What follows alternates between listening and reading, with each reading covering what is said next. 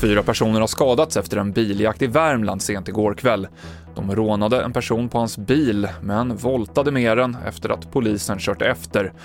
Det handlar om två män och två kvinnor i 20-årsåldern och enligt Värmlands Folkblad så är läget allvarligt för två av dem. Två unga män har förts till sjukhus efter att ha blivit knivskurna på Kungsholmen i Stockholm.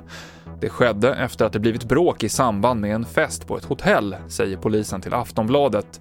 Det är oklart om knivskärningarna skedde inomhus eller utomhus. Skadeläget är också oklart och ingen har blivit gripen ännu.